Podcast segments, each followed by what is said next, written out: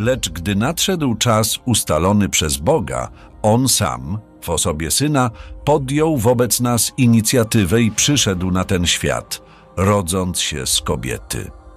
Jak wszyscy Żydzi został zrodzony pod prawem, aby wykupić zarówno tych, którzy byli poddani prawu mojżeszowemu, jak i wszystkich innych. Uczynił to, byśmy razem mogli otrzymać udział w tym, co czeka na pełnoprawnych Bożych dziedziców. Zaś na dowód tego, iż faktycznie znajdujemy się w procesie stawania się Jego dojrzałymi latoroślami, Bóg posłał do naszych serc ducha swego Syna, który woła w nas Abba, kochany Ojcze.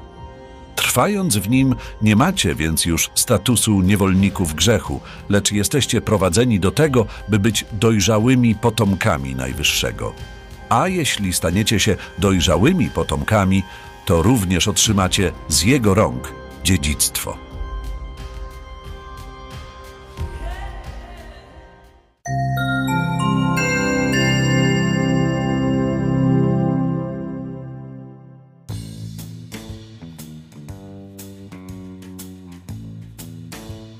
Sześć dni temu świętowaliśmy Boże Narodzenie.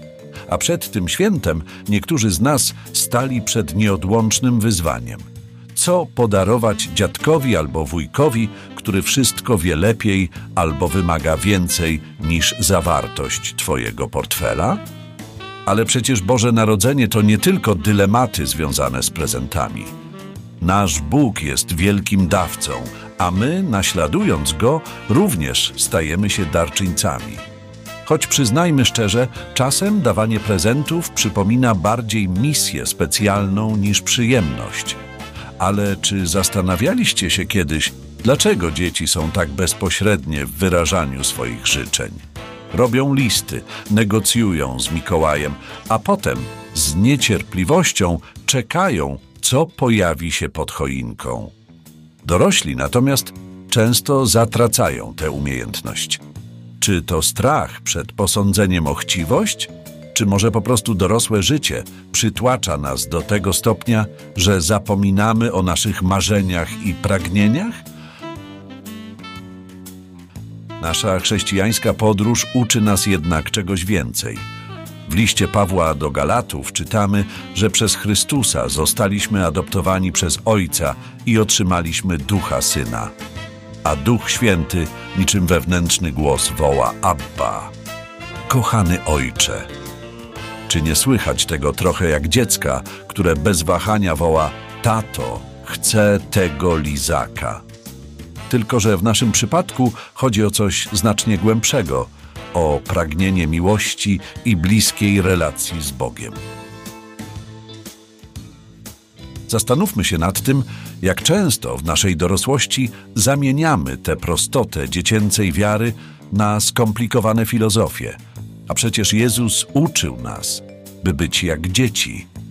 Czy to nie paradoks? Dorastamy, uczymy się, zdobywamy doświadczenie, a potem Bóg mówi nam: Hej, bądź jak dziecko. Tym świątecznym czasie, kiedy patrzymy na małe dzieciątko w żłóbku, przypomnijmy sobie o zaproszeniu do stania się dziećmi jedynego Boga.